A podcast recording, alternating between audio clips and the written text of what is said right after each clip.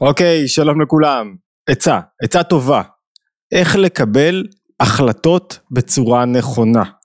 מהו הקריטריון שעל פיו אני צריך לקבל החלטה? אני בתוך צומת דרכים.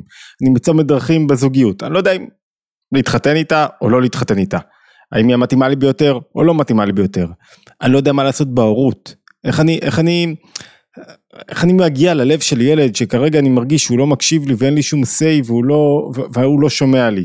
מה אני עושה עם ילד שרוצה משהו, מסלול חיים שאני לא כל כך אוהב אותו.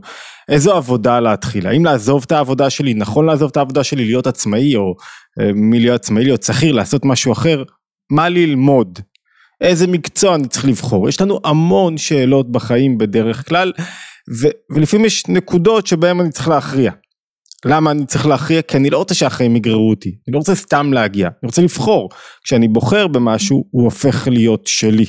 ברגע שבחרתי, זה שלי וסביר להניח שאני אשקיע בזה יותר זמן, יותר אנרגיות, כי אני בחרתי. השאלה היא, במה נכון לבחור. אם יש איזו עצה כללית כזאתי, שיכולה לעזור לי בכל נקודות הבחירה, בכל הצמתים שבהם אני עומד, שיכולה לעזור לי לבחור טוב יותר ונכון יותר. אז ברוכים הבאים, פסיכולוגיה בפרשה, ספר דברים, פרשת דברים, מתחילים, זו השאלה שלנו להיום. והשאלה הזאת היא גם די, זאת אומרת, כשרוצים לענות על השאלה הזאת אפשר להתבונן בתפקיד של יועץ טוב. כשאתה מתייעץ עם מישהו, אתה, אתה רוצה לשמוע את דעתו, אתה רוצה שמישהו יעזור לך לקבל החלטה, מה התפקיד שלו? הרבה פעמים יועצים מתבלבלים והם חושבים שהתפקיד שלהם זה להכריע במקומך, זה להוליך אותך למקום מסוים, זה לא התפקיד של יועץ טוב. התפקיד של יועץ טוב הוא ליצור לך בהירות. לשקף לך את כל התנאים, את כל הסיטואציה וליצור לך בהירות מחשבתית שתוכל לבחור נכון. השאלה היא על פי אילו קריטריונים אני יוצר בהירות. כי המציאות היא תמיד נראית דרך משקפיים סובייקטיביות. על פי מה אני מחליט שאני יוצר בהירות. איך אני יוצר את הבהירות הזאת? על פי מה שזה שמתייעץ איתי רוצה? על פי האינטרסים שלו? על פי היכולות שלו? על פי התשוקה שלו? על פי מה שצריך ממנו? על פי מה שהוא מביא לעולם? על פי מה היועץ צריך לייצר בהירות למי שמתייעץ איתו? וזה נכון לגבי הצומת שבו אני עומד, איך אני יוצר לעצמי בהירות, גם בלי להתייעץ עם מישהו, איך, או איך כשאני מקבל כמה עצות, איך אני יוצר בהירות בין כל העצות, על מה אני צריך בעצם להסתכל. כדי לענות על השאלה הזאת, בואו ניכנס לפרשת השבוע, פרשת דברים, יש תורה מאוד מעניינת של הבעל שם טוב, שעוזרת לנו לפתור את השאלה, או בעצם נותנת לנו עצה טובה לכל צומת בחיים שבה אנחנו נמצאים.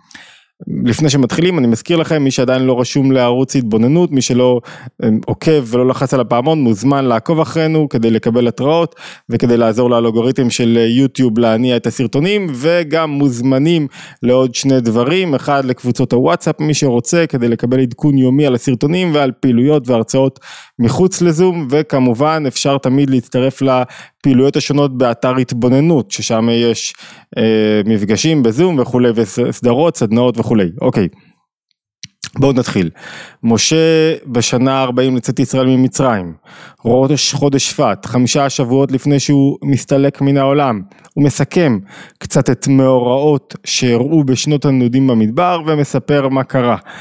תוך כדי הסיפור הוא אומר כבר לא יכלתי לשאת איך אשא לבדי את התורך שלכם את מעשייכם ואת רווחכם הייתי צריך לפתור את זה מה עשיתי? הבאתי מיניתי שרי אלפים שרי מאות שרי חמישים שרי עשרות שישפטו את העם ויתלו חלק מניהול אורחות החיים של קהילה כל כך גדולה של אנשים. ובתוך כדי כך הוא אומר לא צריך להכיר במשפט, צריך שיהיה משפט צדק וכולי וכולי, ו- ואז הוא אומר, והדבר אשר יקשה מכם, תקר- תקריבון אליי, הוא שם עתיב. זאת אומרת, אומר, מיניתי, יצרתי איזושהי פלטפורמה לניהול ענייני החיים המשותפים שלנו כקיבוץ של אנשים שנעים במדבר, אבל אם יש לכם משהו שקשה, ככה זה על פרשנות חופשית מהירה, תביאו אותו אליי, ואני אפתור אותו. ופה שואלים אה, כמה מפרשים, ושואל הבעל שם טוב בייחוד, מה, מה הכוונה הדבר אשר יקשה מכם? צריך להיות לא יקשה מכם, הדבר אשר יקשה לכם. אם משהו קשה לכם, תביאו אותו אליי ואני אעזור לכם לפתור. אני מזכיר לכם את השאלה שלנו, איך מתמודדים עם צמתים, איך מקבלים החלטות נכון. שימו אותה רגע בצד, תחזיקו אותה למעלה כדרכנו, תכף נחזיר אותה לתוך העניין. ואז הוא שואל עוד שאלה, לא רק למה השתרבבה כאן המילה מכם, ומי שמכיר את הקריאה התורנית, בטח של הבעל שם טוב, אין שום מילה חסרה או חסרת משמעות שלא אמורה להגיד לנו משהו. ההסבר השני שהוא אומר, השאלה השנייה שהוא מעלה, תקריבון אליי הוא שמעתיו. מה זאת אומרת הוא שמעתיו? מה זאת אומרת? מה זה שמעתיו? מה אתה צריך לשמוע? אנחנו צריכים שתודיע לנו מה לעשות, שתגיד לנו, אנחנו לא צריכים שאתה תשמע. זאת אומרת, הדבר אשר יקשה לכם, דבר אשר יהיה קשה לכם, תביאו אותו אליי, ואני אגיד לכם מה לעשות, ועוד יעתיב, אומר הבעל שם טוב. למה, איך פותרים את שתי השאלות הללו, ואיך מבינים בעצם את התוספת של משה לעמו, כשהוא אומר להם, אם יש לכם בעיה, תגיעו אליי, ואני אנסה לפתור לכם אותה. מה הכוונה? אז יש כמה פרשנויות, פרשנות אחת של אה, הביור ישר על התורה אומר כך, הוא אומר, למה מכם? זאת אומרת, אם יהיה משהו יותר קשה מכם, מהכוח שלכם, מכוחכם, אולי יש לכם דבר שקשה לעמוד בו, תבואו אולי לעזרה. ועוד פרשנים אחרים, כמו מי השילוח ותפארת שלמה, אומרים, מה זאת אומרת, יהיה לכם קשה? אם תקראו לי, אם יהיה לכם משהו קשה, אתה, אני שמעתיו, אני אבוא אליכם, אני אשמיע לכם את הדרך הנכונה, אני אשמע ממכם, ויחד נלמד. איך צריך לנהוג ואיך צריך להתמודד בסיטואציה הזאת. זאת אומרת, אם יהיה איזה מקרה שקשה לשפוט אותו, קשה יהיה, שני אנשים נצים, משהו קורה, הקהילה לא מתנהלת כמו שצריך, תבואו אליי, נשמע ביחד את הסיטואציה, ו- והמקרה הזה קשה יותר מאשר היכולת שלכם להתמודד איתו, נשמע את הסיטואציה ונפתור אותה יחד. ועד הוא אומר יותר מזה, אומר תפארת שלמה. תפארת שלמה, אה, רבי שלמה הכהן רבינוביץ', אומר ככה, אומר משהו יותר גבוה, אומר כשהיה לירמיהו את גזרות החורבן והיה לו קשיים בזמן חורבן בית ראשון הוא הלך להתפלל על קברי האבות להשתטח שם ואמרו לו לא אל תבוא אלינו לאברהם יצחק ויעקב. תלך למשה רבנו. הוא מי שהוציא ממצרים הוא יעמוד בפרץ להתחנן לבקש לעזור לבטל את רוע הגזרה. רק הוא וזה הרמז של הדבר. כל פעם שיהיה לכם קשה מהכוח שלכם, תבואו ולא תוכלו עוד לסבול את הקושי, את הגלות, את החורבן, את ההתמודדויות, תבואו אל משה. תשתטחו על קברו של משה ולא על קברות האבות כדי לקבל סיוע. תשתטחו, תבקשו עזרה דווקא בתפילה על קבר הצדיק. אלא מה, אנחנו לא יודעים איפה קבר משה, וזה לא עניין פשוט. ואיך אתה בכלל משתטח על קבר משה כשאתה לא מכיר את הקבר. לבעל שם טוב יש פרשנות אחרת. הוא אומר, הדבר אשר יקשה מכם תקריבו אליי ושמעתיו, אמרנו מקודם מה השאלות שמעסיקות אותו, למה מכם ולמה שמעתיו, וראינו איזה פרשנות מהירה, מכם זה בגלל שזה יותר מהכוח שלכם, ושמעתיו תבואו אליו נשמע ביחד, אני לא אגיד לכם מה לעשות, נבין ביחד את הסיטואציה, נפתור אותה. הבעל שם טוב אומר משהו אחר. יש שתי תורות של הבעל שם טוב על הפסוק הזה, ננסה להבין את שתיהם. באחת מהם הוא אומר, אם יסתפק לך באיזה דבר, הוא מביא מהרמב"ן, אם יסתפק לך באיזה דבר, אתה לא יודע איך לפתור משהו מסוים, אתה בצומת דרכים, איך לעשות משהו מסוים כשיש בו דרכים לצדד לכאן או לכאן, אתה לא יודע מה לבחור. או שיש לך ספק אם העניין הזה הוא הכרחי, אם הוא מצווה או לאו, אם צריך לעשות אותו או לאו, אתה לא יודע. אתה לא יודע מה להגיד לילד שלך, אתה לא יודע מה נכון ומה לא, מה ישרוט אותו ומה יחזק אותו, יעצים אותו, אתה לא יודע אם זה הזוגיות המתאימה לך, אתה לא יודע איך לענות לאשתך, אתה לא יודע אה, אם להתחתן או לא, אתה לא יודע מה לעשות עם העבודה, אם לעזוב אותה או לא לעזוב אותה, אתה, אתה לא יודע איזה סדרה שאלות יש לך, אתה לא בטוח לגביהם. אין לך, תן לי עצה מהירה, שהיא לא תהיה תעשה ככה או תעשה ככה, זה הכי קל, זה לא התפקיד של היועץ אמרנו. עצה מהירה שתעזור לי ליצור בהירות, שתעזור לי לראות בדיוק מה התפקיד שלי. אז הוא אומר ככה, בעל שם טוב, אם יש לך ספק, איזה דרך להלך? מה אתה צריך לעשות? והדבר שאתה צריך לעשות, יש לך איזשהו הנאה ממנו. זאת אומרת, בכל בחירה הרבה פעמים יש לי הנאה בצד אחד. לפעמים גם כשאני קורבן, הרבה פעמים מישהו לא מוכן לוותר על הקורבנות שלו, ולא מוכן לוותר על האומללות שלו, ולא מוכן לוותר על התלונות שלו, ולא מוכן לוותר על המקום הקשה שלו, למה? כי יש לו איזה הנאה. מה ההנאה? אני במרכז, תרחמו עליי. הרבה פעמים אני רוצה להביא את עצמי למקום שבו אני אצטרך את עזרת אחרים, את עזרת הציבור, למה? רק בשביל ההנאה איזו הנאה, שצריך לתפוס אותו בדקות של אני במרכז. שמישהו יעזור לי, מישהו יתייחס אליי, מישהו יראה אותי, מישהו, מישהו ייתן לי תשומת לב.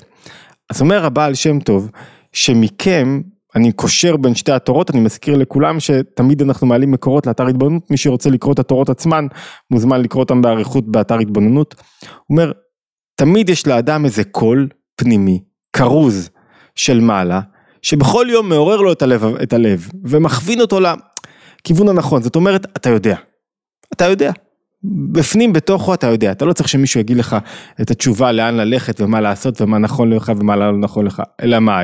שיש מניעה, המניעה היא מכן, לכן יקשה מכם הדבר, זאת אומרת, הדבר קשה בגללך, בגללך, כי משהו אצלך מסתיר לך את התשובה. משהו, משהו הופך, אומר הבעל שם טוב בדיוק מה זה אותו משהו, על ידי גסות ועכירות החומר שלכם, הוא מסך המבדיל מלשמוע, ולכן אתם כמו חרשים, ואתה לא רואה בדיוק מה הדרך שאתה צריך לבחור בה. מה זה גסות ועכירות של האדם? מה מונע מהאדם מלדעת מה הדרך שלו? מה מונע ממך בדרך כלל מלבחור את הבחירה הנכונה כשבתוך תוכך יש לך איזה קול פנימי שיודע אבל אתה לא מצליח להקשיב לקול הזה. זה כזה בלירד, זה כזה מטושטש, זה לא ברור. מה מונע ממך? בדרך כלל מה?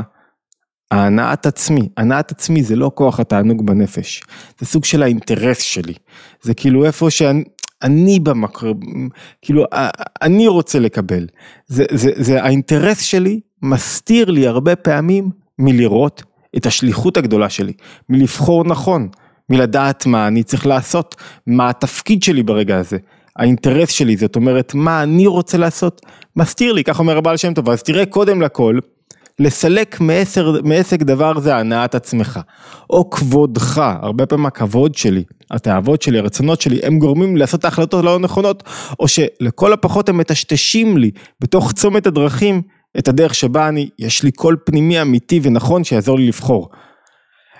ואחר כך, אחרי שתסלק את הכבוד שלך, את ההנאה שלך, את האינטרסים שלך, תוכל לצדד לכאן או לכאן, ואז השם יתברך יודיעך האמת ותלך לבטח. בואו ניקח איזה דוגמה פשוטה להבנה, הילד, ילדים, אתה הרבה פעמים שומע, מקבל פניות כל יום, עשרות של, של אנשים עם שאלות ושאלות ממש, ו, ו, ו, וברוב המקרים יצירת הבהירות היא פשוטה לפי עצת הבעל שם טוב. מה הכוונה? ילד מסוים למשל שהוא כרגע מורד בהורים שלו, לא רוצה ללכת בדרך שלהם, לא רוצה, יש לו את הסגנון שלו, את הדרך שלו, וההורה נכנס איתו למאבקים ולכוחנות והוא לא שומע לי, ורק אם אתה זוכר מה התפקיד שלך בתוך הורה? התפקיד שלך בתור הורה זה לא לממש את כל השאיפות שלך, הרצונות שלך על גבי הילד. התפקיד שלך בתור הורה זה לא שכולם יסתכלו על הילדים שלך ויגידו איזה יפה עם הילדים של מר איקס, אה, ואיך הם גדלים יפה, ואיך הם כל אחד מהם באמת עצמאי והגיע למעמד ונשוי ובנה בית. זה לא התפקיד שלך. זה נחמד, זה יופי, זה לא התפקיד העיקרי, התפקיד העיקרי של ההורה, לעזור לילדים לגלות את הכוחות שלהם, ולעזור להם לגלות כוחות רגשיים נכונים, ולהתמודד עם המאבקים שלהם, ולתת להם כלים לנצח את הקרבות שלהם, וכשאתה מבין את המקום הזה, אז אתה מבין שההורה לא יכול להיות במקום שבו הוא אני מחזיר אתכם לשיחות על חינוך, שבו הוא נעלב מהילד שלו, שבו הוא כועס על הילד שלו, שבו הוא מאוכזב מהילד שלו. כל פעם שהוא מאוכזב מהילד שלו, אני מאוכזב, הנעת עצמי. הכבוד שלי. אני כועס על הילד שלי שהוא לא בא לבקר אותי, הכבוד שלי, הנעת עצמי. אני אה, אה, אה, ציפיתי מהילד ליותר, אני לא יכול לקבל שהילד שלי ילך בדרך כזאתי, אני, אני, אני, אני, שוכח את התפקיד שלך, למה? בגלל כבודך, בגלל הנעת עצמך, בגלל שאתה חושב רק על עצמך, ולא חושב איך אתה עוזר לילד בדרך שהוא בוחר, חנוך ליד, לנער על פי דרכו לגלות את הכוחות שלו. אתה לא עוזר לו לגלות את הכוחות שלו, אתה רוצה שהוא ילך בדרך שלך ושגם יהיה מרוצה ושמח.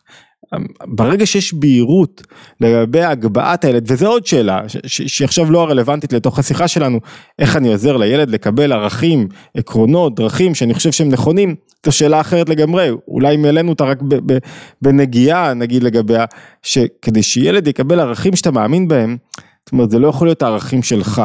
יש שם ערכים מעניינים, שאני חושב, ערכים, רעיונות, דפוסים, תובנות, שאני חושב שהם משני חיים, שהם יעשו אותך מאושר, שהם, שהם האמת, שהם נוגעים למציאות, שהם משמעותיים, אני חושב שניקח דוגמה שהיא רחוקה אולי, אה, אה, שמשחק כדורגל זה הדבר החשוב ביותר, אני אחדך את הילד שלי, אני משקיע בכדורגל, הילד יראה, יאהב את הכדורגל, או שלא.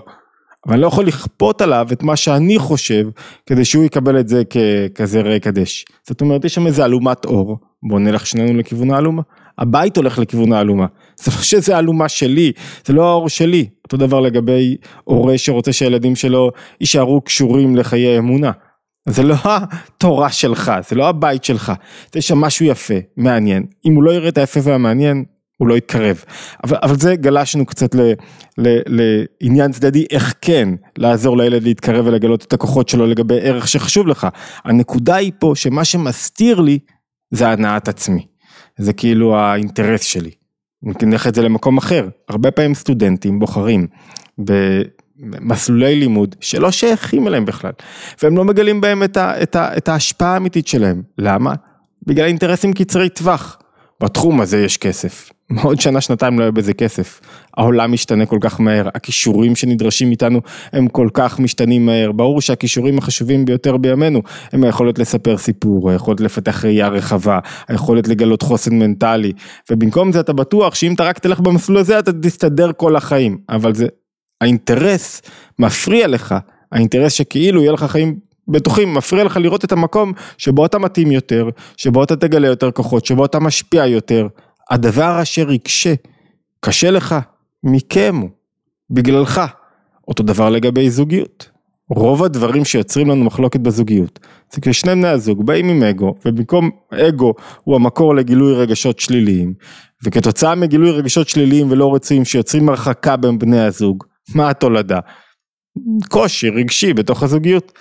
וככל שמישהו מצליח להתגבר על הקושי הרגשי הזה, מה הכוונה? שבמקום לשים את הנעת עצמו ואת הכבוד שלו ואיך היא אמרה לי ואיך היא דיברה עליי ואני לא מוכן יותר ואני לא מוכן להיות בבית הזה שמדברים עליי ככה ואני לא מוכן להיות, במקום לחשוב כך הוא חושב מה הוא רוצה מהבית הזה ומה הוא מביא לתוך הזוגיות הזאת ואיך הוא מגדיל את ה... את, את ה מרחיב את הקשר, מעצים אותו, מעמיק אותו, יוצר בו משהו אחר, הקושי שהוא מכם נעלם. אבל כדי שזה יקרה, כדי שהאדם יסלק את הנעת עצמו, כדי שיהיה מסוגל לראות את הזווית ראייה שיוצאת מתוך האני האגוצנטרי, ומסתכלת על הדברים במה השליחות שלי פה, מה העניין שלי פה, מה האמת של הדבר, איך אני מגלה את האמת של הדבר, ואז הוא גם מקל על עצמו, כדי שזה יקרה הוא צריך לשמוע את כל משה רבנו שבו. מה המאפיין הגדול ביותר של משה? אני מזכיר לכם, ושמעתיו. מה המאפיין הגדול ביותר של משה? אתה צריך לשמוע את כל משה בתוכך. מאפיין הגדול ביותר של משה, שהוא בביטול. שהוא לא עסוק בעצמו, הוא בביטול לעמו, לתפקיד שלו, לשליחות שלו, שלשמה הוא נברא ולשמה הוא נמצא בעולם, ויש בחינת משה שנמצאת בכל דור בדור ובכל אדם ואדם. וזו הבחינה הפנימית, והיא הקול הכרוז של מעלה, שמכריז בכל יום ומעורר את לבב האדם כל יום וכל הזמן, מה הכיוון הנכון שלך, מה הדרך הנכונה שלשמה אתה צריך להלך בה. זאת אומרת שאם אני ננסח את זה באיזה כיוון אחר למשל, אם החברה הקפיטליסטית המודרנית וקפיטליזם זה לא מילה גסה, אבל היא אמורה לעזור לאדם למצות את הפוטנציאל שלו על ידי זה שהיא שמה במרכז את, את, את השפה של אינטרסים, מה האינטרס שלי ואיך אני ממש את האינטרס שלי, אז היהדות אומרת, העניין הוא לא מה האינטרס שלך, איזה ערך אתה מביא לעולם, איך הערך שאתה מביא לעולם יתגלה. זאת אומרת, אם אני שואל את עצמי, איך לקבל החלטה, אני שואל את עצמי, מה הערך שאני מביא כרגע לתוך הסיטואציה? בזוגיות שלי מה הערך? לא למה אשתי העליבה אותי, מה הערך שאני מביא לזוגיות? לא למה הילד שלי לא מדבר איתי, מה הערך שהבאת בתור הורה? מה הערך שהבאת בתור בן זוג, מה הערך שהבאת בתור עובד, לא למה הבעל, בעל העסק, המעסיק שלי לא מעריך אותי, אתה מעריך אותו? כדי שהוא יעריך אותך, מה הבאת לתוך העסק, לא מה אני רק חושב אני ואני ואני, למה לא מקשיבים לי, אלא איך אני מקשיב לאנשים אחרים, זאת אומרת כשאני עושה את הסוויץ' הזה, ואז אני עומד בכל סיטואציה, ואז אני שואל, אני מקריא לכם שוב את לשונו של הבעל שם טוב, הדבר אשר יקשהו מכם, לכל אדם יש אינטרסים, והעמדת עצמו במרכז, והנעת עצמו שמסתירים לו מלראות את לשם מה הוא בא לעולם. מה התכלית שלו. וכשהוא, ו, וזה בכל דבר קטן, זה לא באיזה שאלות גדולות, מה אני אעשה כשאני אהיה גדול. זה בכל רגע, בכל רגע, בכל מעשה שלי. וכשהוא מצליח להוציא את מה שקשה, זאת אומרת, מה שקשה לו זה המכם. כשהוא מצליח להוציא את מה שקשה הזה, פתאום יש לו בהירות לגבי המסלול שלו. בואנה, אני יודע שפה אני מביא את הערך הגדול ביותר. פה אני צריך להיות. הבן שלי צריך אותי, הוא צריך שאני הורה כזה שלא עסוק בעצמו, שלא כל היום חושב על עצמו ומה הוא ומי הוא, ו... הורה, שכל היום עסוק בעצמו, לא מתפקד כהורה. וגם אם הוא מרשה לעצמו להיות בדיכאון, הוא פחות חושב על עצמו, הוא, הוא פחות חושב על הילד, הוא חושב על עצמו. כי דיכאון זה, זה, אני עכשיו, איפה הילד? לא יודע, שיסתדר. זאת אומרת, אני לא אומר את זה בלהעליב, ודאי שזה כל כך קשה למי שבתוך דיכאון, אנחנו מנסים לשרטט את התמונה ש, שמצביע עליה עכשיו הבעל שם טוב. ולכן הוא אומר, על כן תסלקו מדבר זה את הנעת כבודכם, ואז אתם תוכלו להתקרב אליי באמת. להתקרב למעלה, קול של משה בלי שום פנייה והנאה. ואז אתה תשמע בדיוק, אתה תשמע איך להתנהג, ומה המסלול הנכון לכם. זאת אומרת, בדיוק כמו היועץ הטוב. יועץ טוב הוא יועץ שאין לו אינטרס. אין לו אינטרס, הוא לא רוצה ממך שום, שום דבר, זה, זה המנהיג הטוב. כשמישהו היה בא אל הרבי, אז ברגע שיש לו אינטרס כלשהו, שאני רוצה ממך משהו, מה אני רוצה ממך כשאתה בא להתייעץ איתי? שאני רוצה ממך כבוד, שאני רוצה ממך כסף. יכול להיות שאתה תשלם כסף על איזה עניין, לא לי. אני לא צריך אותך בשביל כסף. יכול להיות שאתה תבוא ליועץ בגלל והוא ירצה ממך אה, הערכה. יכול להיות שהוא ירצה אינטרס, שתעזור לו במשהו, בכל פעם שליועץ יש אינטרס, הייעוץ שלו הוא לא נקי.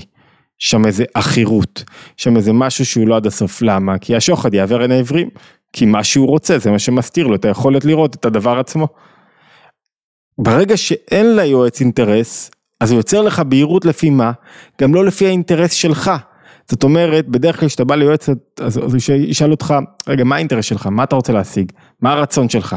הבעל שם טוב אומר משהו הפוך לחלוטין, הוא אומר, לא, לא מה הרצון שלך, לא מה האינטרס שלך, תזיז את האינטרס שלך ותנעת עצמך, מה השליחות שלך, מה התפקיד שלך בעולם, מה העולם צריך ממך, ואז זה יתבהר לך, ואז אתה תראה איך בחינת משה, איך משה מגלה את הכוחות שלו בתוך המציאות כמנהיג, שהוא יודע מה נדרש ממנו, עוזב את החיים שלו והולך להנהיגם, אתה תראה מה נדרש ממך, איך אתה מנהיג את המשפחה שלך, את הזוגיות שלך, את הבית שלך, איך אתה נלחם על זה, זאת אומרת, כל, אולי זה ההבדל המרכזי, זה הנקודה המרכזית שהבעל שם טוב מציע, בהסתכלות על כל סיטואציה. בכל דבר ועניין, באת לעולם, אנחנו חוזרים על זה כי זו נקודה שחוזרת על עצמה, נקודה חשובה, באת לעולם לא סתם, כדי להבין מה באת, יש לך חירות, יש לך קול פנימי שאומר לך למה באת, ויש לך חירות, מה אני, לא מעריכים אותי, לא אוהבים אותי, איך אני, מה הגעתי, מה עשיתי, אני כבר בן 30, עוד לא, עוד לא עשיתי את המיליון הראשון, לא, כל מיני, החירות זה, זה כל מיני קולות שהם לא אמיתיים, בתוך הצומת דרכים. כדי לייצר אמיתיות בצומת, צריך לנקות את הקולות הללו. איך? הזזת האני. מה זה אותה הזזת האני? זו סילוק הנעת עצמך וכבודך. ואז תראה לצדד לכאן ולכאן, ואם אנחנו מסכמים בעצם מה שמשה עושה, הוא אומר מיניתי שרי אלפים, שרי עשרות, שרי מאות, שרי מאות, שרי עשרות, ואז לפעמים יש להם קושי מסוים, ואני גיליתי להם איך להתמודד עם הקושי, במקום לחשוב על עצמכם כמנהלים, כמפקדים, מה, איך מעריכים אתכם, תנסו רגע לחשוב, לסלק רגע את, ה, את, את, את מה שאתם רוצים להשיג, ולחשוב על התפקיד שלכם כאן. אתם מנהיגים של העם היהודי, כל אחד של עשרה, של מאה, של אלף, של עשרות אלפים, כל אחד מנהיג של קהילה. בתור מנהיג של קהילה, תשאל מה השליחות שלך, אתה מנהיג של הבית שלך, אתה מנהיג של עצמך, תשאל מה השליחות שלך, לא מה, מה האינטרס שלי. וכשמישהו חושב כך, האינטרסים שלו מתמלאים הרבה יותר, וקל להוכיח את זה, גם בעולם העסקי. בעולם העסקי, בכל אינטראקציה עם מישהו, כשהוא מדבר איתי אינטרסים זה שיח, כשהוא מדבר איתי שליחות וערכים והשפעה, וואו, אני איתך. וממילא האינטרס שלי מתמלא. כשאני בא לסוכן מכירות והוא רק חושב מה הוא יוציא ממני אני נסגר ונאטם. כשאני מדבר עם סוכן מכירות והוא חושב עליי, מה אני צריך, הוא מסלק את הנעת עצמו ורואה אותי, באותו רגע אני נפתח וכנראה אני אסלוק הרבה יותר ממה שהייתי סולק קודם לכן. זה נכון בכל דבר, בכל מקום, בכל קנייה שלנו, בכל רכישה. כשמישהו פתאום, אוקיי, יש לי אינטרסים, שמתי אותם עכשיו בצד כדי לראות אותך, באותו רגע הוא נפתח והוא מוכן הרבה יותר. כשמישהו בא אליי, למשל, אני, אני רואה את זה באופן, ו, ומתקטנן איתך על השקלים וזה, מה קורה לך מיד, אתה נסגר. אתה נסגר כי האינטר... אתה רואה את האינטרסים שלו, כשמישהו איתך לארג' הוא בסוף יוצא שהוא מקבל פי חמש ממה שאתה נתת למישהו אחר, בכל דבר, בתמחור, בעשייה, בנתינה, למה? כי הוא לא ראה דרך הנעת עצמו, אתה לא רואה דרך הנעת עצמך. היה פה מפגש הרבה יותר גבוה, של השפעה, של יצירה, של משהו יותר גבוה בתוך המציאות. אוקיי, אמ, אז זה מה שמשה בעצם נותן כירושה לאופן ההנהגה הנכון של מנהיגי העדה. איך צריך לנהל בעצם את, ה, את, את, את הקהילה שמתניידת בתוך המדבר, בתוך מקום שהוא, ש, שהוא קשה להתנהל בו. אוקיי, אה, התבוננות יומית, מוזמנים, אמרתי כבר, להירשם לערוץ, קבוצות הוואטסאפ ואתר התבוננות, יש שם אה, סדרות מעניינות, להשתמע בהתבוננות היומית הבאה.